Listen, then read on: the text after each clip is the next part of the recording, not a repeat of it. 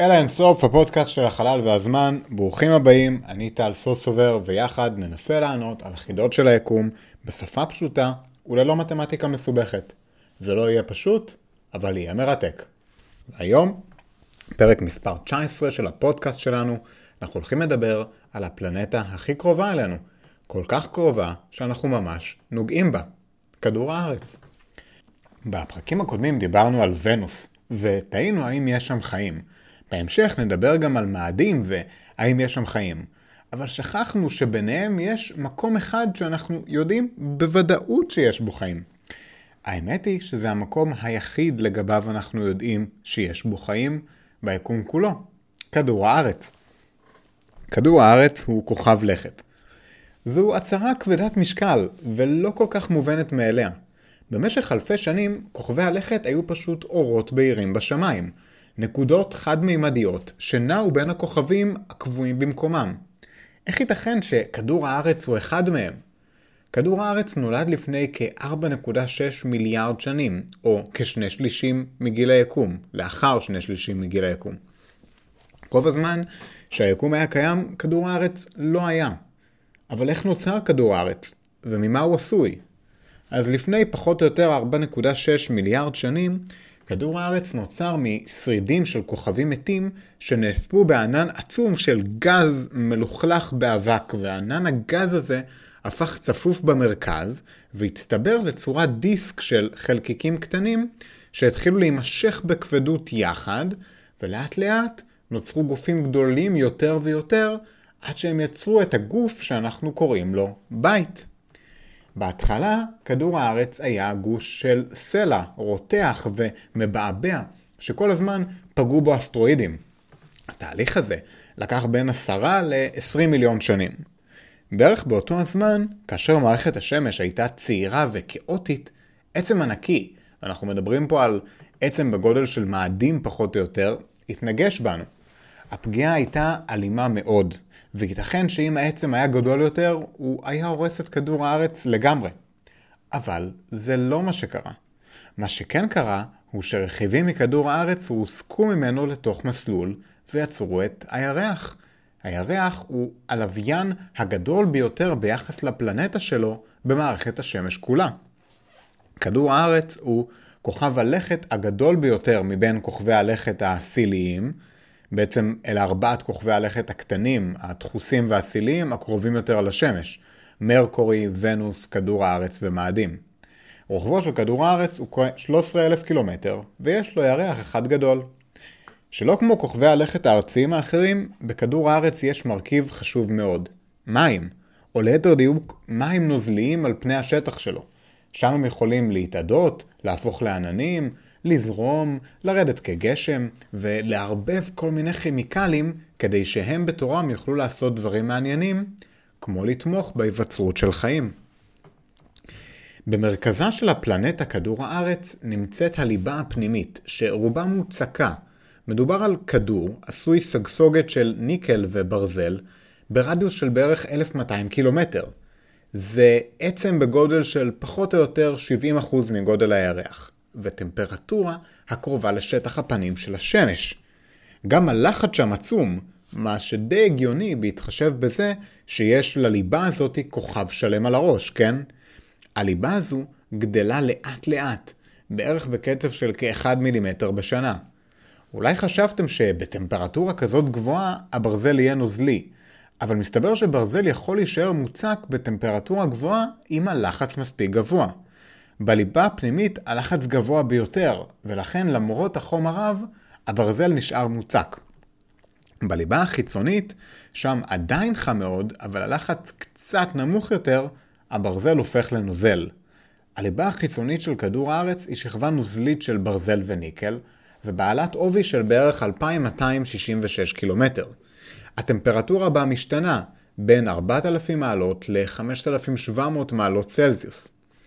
כתוצאה מהסיבוב של הברזל בליבה החיצונית, כדור הארץ מוקף בשדה מגנטי, שהיא תופעה שמזכירה מגנט עם קוטב מגנטי צפוני וקוטב מגנטי דרומי. הכתבים האלה קרובים לצירי הסיבוב של כדור הארץ, כלומר קרובים מאוד לכתבים הגיאוגרפיים שלנו. הלולאות המגנטיות שמקיפות את כדור הארץ ממלאות תפקיד חשוב מאוד. הן מרחיקות את רוב החלקיקים הטעונים מרוח השמש, וגם כולאות כמה מהם. בלי השדה הגיאומגנטי הזה, רוח השמש הייתה פוגעת באטמוספירה של כדור הארץ ישירות. במהלך מיליוני שנים, האוויר בכדור הארץ היה מתאדה.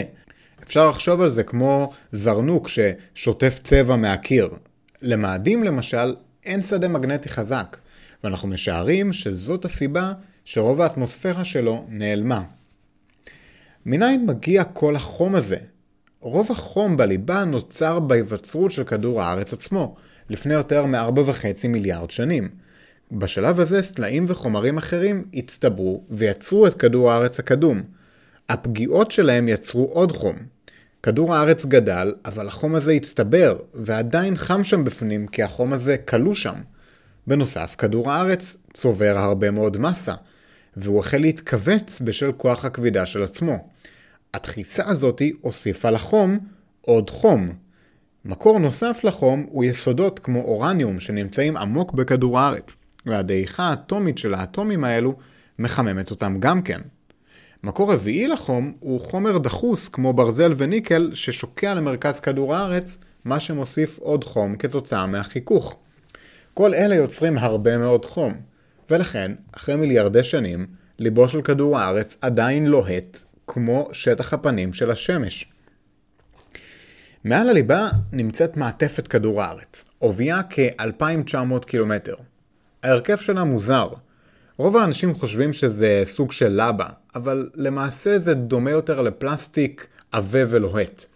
היא מתנהגת פחות או יותר כמוצק, אבל לאורך זמן, הכוונה לתקופות גיאולוגיות, היא יכולה לזרום. המעטפת הזו מכילה את המעטפת העליונה והמעטפת התחתונה. למעשה המעטפת העליונה מכילה אזורים שונים, כמו החלק העליון שהוא צמיגי, ונושא את הקרום שנקרא ליטוספירה. מעליו באה האסטנוספירה, שהיא פחות ניידת ובעיקר מורכבת מרכיבים מוצקים. המעטפת התחתונה מקיאה עמוק אל הליבה החיצונית, אל כדור הארץ עצמו. מעל המעטפת נמצא הקרום של כדור הארץ, עליו אנחנו חיים. הקרום הזה נוצר באופן הדרגתי כאשר כדור הארץ התקרר, ועל פני השטח נוצר קרום דק, אבל בתוך הכוכב ממשיך להתר... להתערבל סלע רותח שמזיז את הקרום מלמטה ושובר אותו לחתיכות. התהליך הזה נקרא לוחות טקטונים, והוא מתרוחש ממש ברגעים אלו. יש שני סוגי קרום בכדור הארץ. קרום אוקיאני, הכוונה לקרום של האוקיינוס, שעוביו כ-5 קילומטר, וקרום יבשתי, שעוביו כ-30 עד 50 קילומטר. ובכל זאת, הקרום הזה הוא דק מאוד ביחס לשכבות האחרות. הקרום אינו עשוי מיחידה אחת. הוא מחולק ללוחות עצומים, והם יכולים לנוע. מה שגורם לתנועה של הלוחות הוא זרימת הסלעים במעטפת, וזה נגרם כתוצאה מחום. ליבת כדור הארץ מחממת את תחתית המעטפת. זה גורם להסעה. החומר החם עולה למעלה. זה לא קורה במהירות. קצב הזרימה הוא כמה סנטימטרים בשנה, ולכן חומר נע קילומטר אחד ב-50 או 60 אלף שנים. החומר החם עולה לפני השטח, אבל הקרום חוסם את דרכו. הסלע מגמה הזה דוחף את הלוחות וגורם להם לנוע באיטיות רבה. מהירות התזוזה של הלוחות האלו היא בערך כמו קצב גדילת הציפורניים שלנו. עם זאת, במהלך מיליוני שנים יש לכך השפעה, והגיאוגרפיה של כדור הארץ משתנה. המקום שבו היבשות נמצאות כעת זה ממש לא המקום שבו הן היו לפני מיליוני שנים, או איפה שהן תהיינה בעתיד. במקומות מסוימים, לרוב במקומות בהם הלוחות מתחברים זה לזה, הקרום חלש יותר. מגמה יכולה להיחלץ החוצה, להתפרץ מעל פני השטח. אנחנו קוראים לזה הרי געש. הרי געש מסוג אחר, כמו באיים הקנריים ובהוואי לדוגמה, נוצרים ככל הנראה כשעמוד של חומרים לוהטים יותר מנקב חור באמצע הלוח היבשתי. אבל זה המקרה הנדיר. רוב הערים הגדולים ביותר בעולם, כמו ההימאליה, או העמקים העמוקים ביותר, כמו שקע מריאנה באוקיינוס, הם תוצאה של התנגשות של לוחות טקטונים. כשלוח נע, החום יוצר שרשרת של הרי נע, געש, תהליך שנמשך מיליוני שנים. הרי געש יוצרים אדמה נוספת, כשהם שופכים חומר אל פני השטח, והם פולטים גז מבפנים של כדור הארץ לחלק החיצוני. חלק גדול מהאטמוספירה שלנו מגיעה מאותם הרי געש.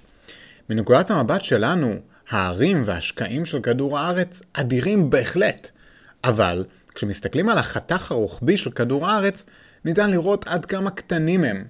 החלק שעליו אנחנו עומדים הוא בערך בעובי של 50 קילומטר. הקרום כאמור הוא משהו בין 5, 6 ל-70 קילומטר. ועדיין אגב, בואו נשים את זה בפרופורציות, הבור הכי עמוק שבני אדם אי פעם חפרו הוא בערך 12 קילומטר. זה כלום לעומת העומק של כדור הארץ של כמה אלפי קילומטרים.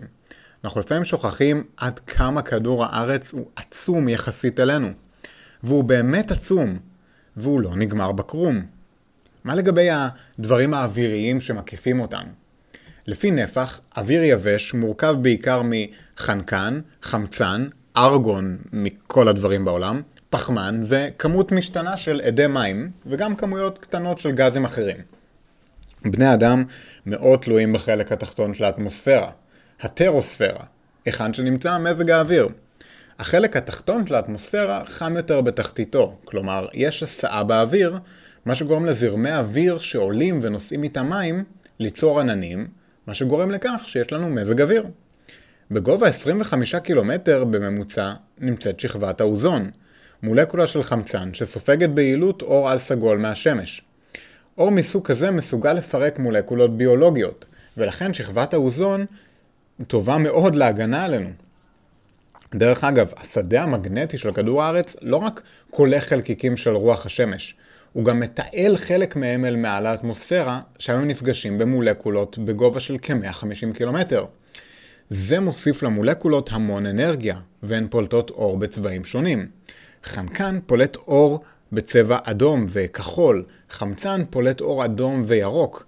הזוהר הזה נקרא זוהר הקוטב, והוא מתרחש ליד הכתבים הגיאומגנטיים, בצפון ובדרום הרחוק. האורות האלה יוצרים צורות מרהיבות כתלות בשדה המגנטי. אתם כנראה לא מבחינים באטמוספירה, אלא אם כן נושבת רוח, אבל היא קיימת כל הזמן סביבנו. היא יוצרת לחץ בפני כדור הארץ של קילוגרם על כל סנטימטר מרובע, או כמעט 10 טונות על מטר מעוקב. על כל זמן שיש לכם, שאתם מסתובבים בכדור הארץ, יש בערך טונה של אוויר שלוחצת עליכם, ממש עכשיו, איפה שאתם לא תהיו. אלא אם כן אתם שומעים את זה בחלל או משהו. אה, אתם לא חשים בזה, כי האטמוספירה לוחצת עלינו מכל הכיוונים, למטה, בצדדים ואפילו מלמעלה או מלמטה. לגוף שלנו יש לחץ פנימי שמאזן את זה. אם לא היה לנו את זה, היינו מתנפחים כתוצאה מהלחץ הפנימי של הגוף. אגב, לא היינו מתפוצצים, כי האור שלנו הוא איבר חזק מאוד. אבל אם היינו מרחפים בחלל החיצון, נגיד ללא בעיה של קרינה או של אוויר, של נשימה, היינו מתנפחים לבערך פי שתיים מהגודל המקורי שלנו. לא מתים, או לפחות לא מתפוצצים, אבל זה בטח לא נעים. בני אדם במצבם הנוכחי אגב, נמצאים על כדור הארץ רק ב-200 אלף השנים האחרונות. זה 0.004% מההיסטוריה של כדור הארץ. לא כל כך הרבה. בכדור הארץ יש גם מים בצורת נוזל על פני השטח שלו, דבר יוצא דופן בין כוכבי הלכת.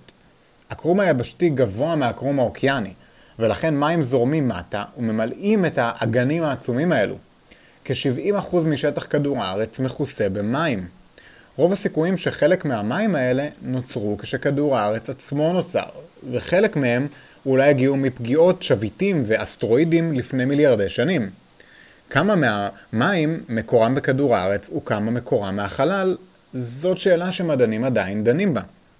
קודם לכן, הזכרתי גזים נוספים באטמוספירה. אחד מהם הוא פחמן דו-חמצני, שמהווה רק 0.04% מהאטמוספירה הנמוכה. אבל יש לו חשיבות גדולה. אור השמש מחמם את האדמה, והיא פולטת אור תת-אדום. אם האור התת-אדום הזה יכול היה להקרין החוצה לחלל, כדור הארץ היה מתקרר, אבל פחמן דו-חמצני כולא את האור הזה, וכדור הארץ לא מתקרר ביעילות רבה כל כך. האפקט הזה נקרא אפקט החממה, והאפקט הזה מחמם את כדור הארץ. בלעדיו, המעלות הממוצעות בכדור הארץ יהיו מתחת לנקודת הקיפאון של המים, וכדור הארץ היה כדור קרח. לכן מדעני אקלים מוטרדים מפחמן דו-חמצני.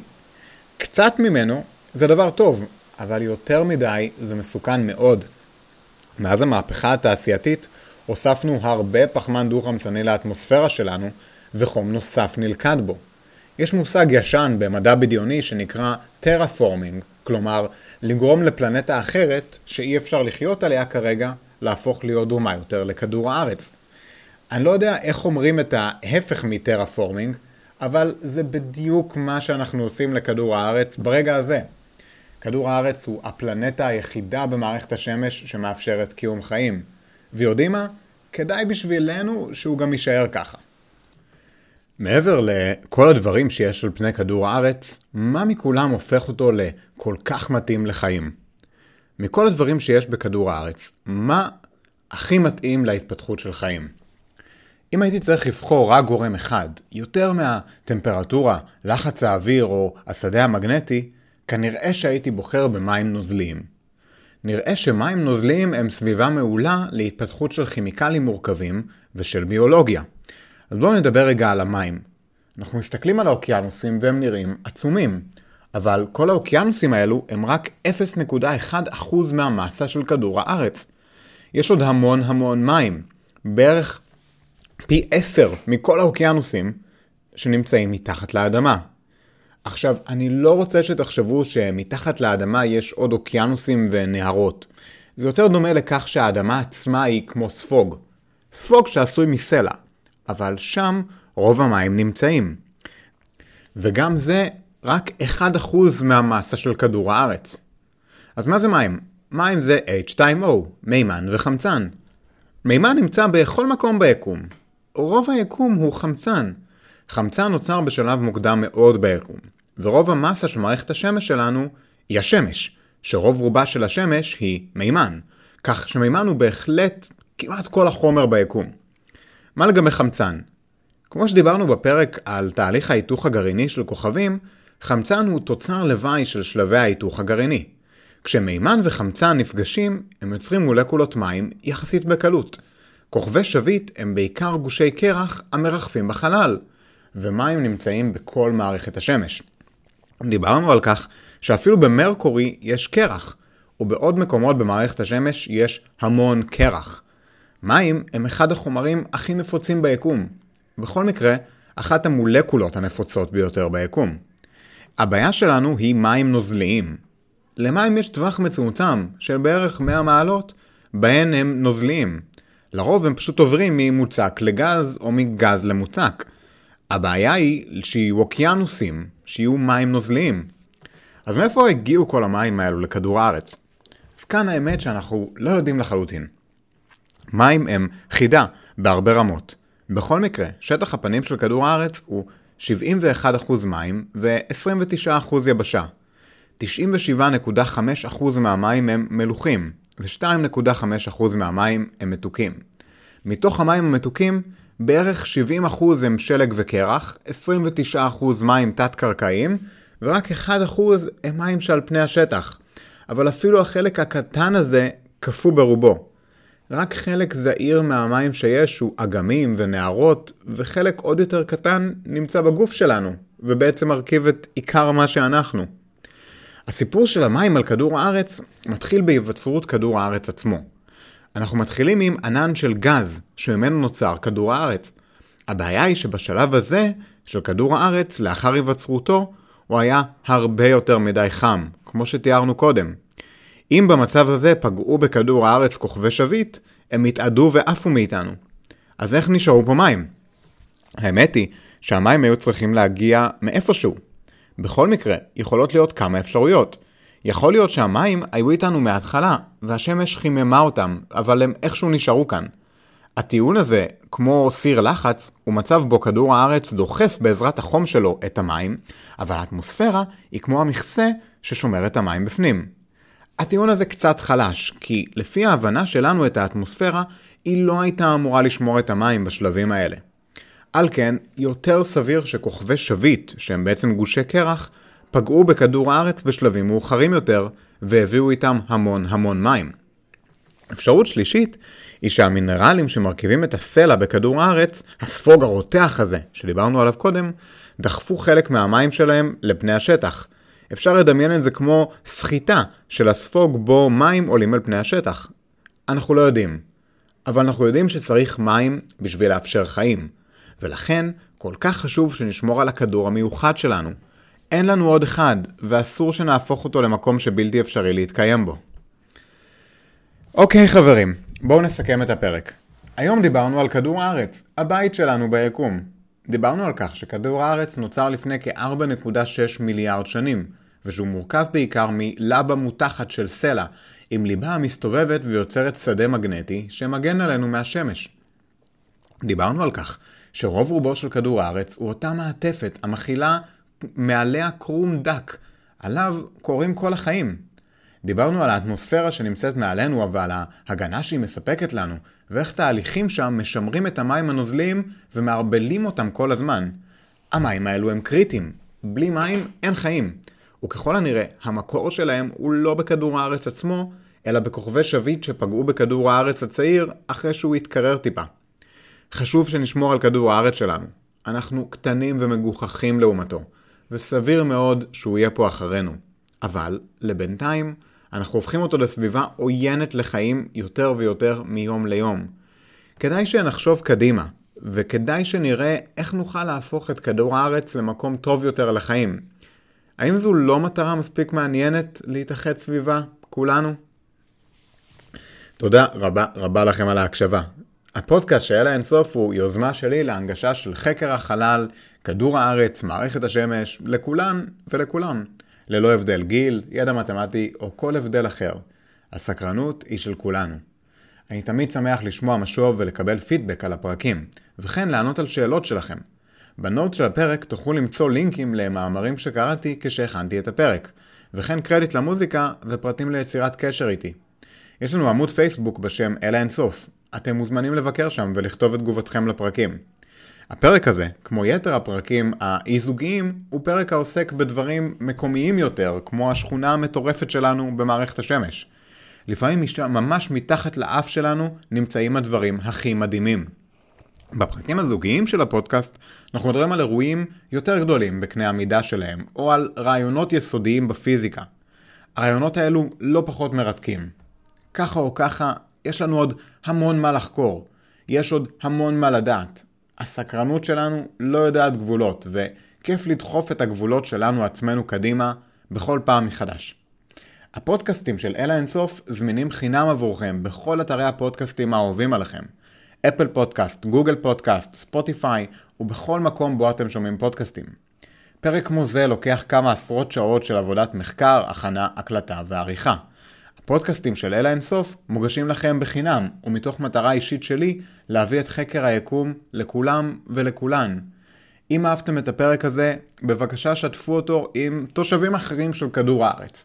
הפעם אני מגביל את בקשת השיתוף שלי רק לאנשים שאתם מכירים שחיים בכדור הארץ.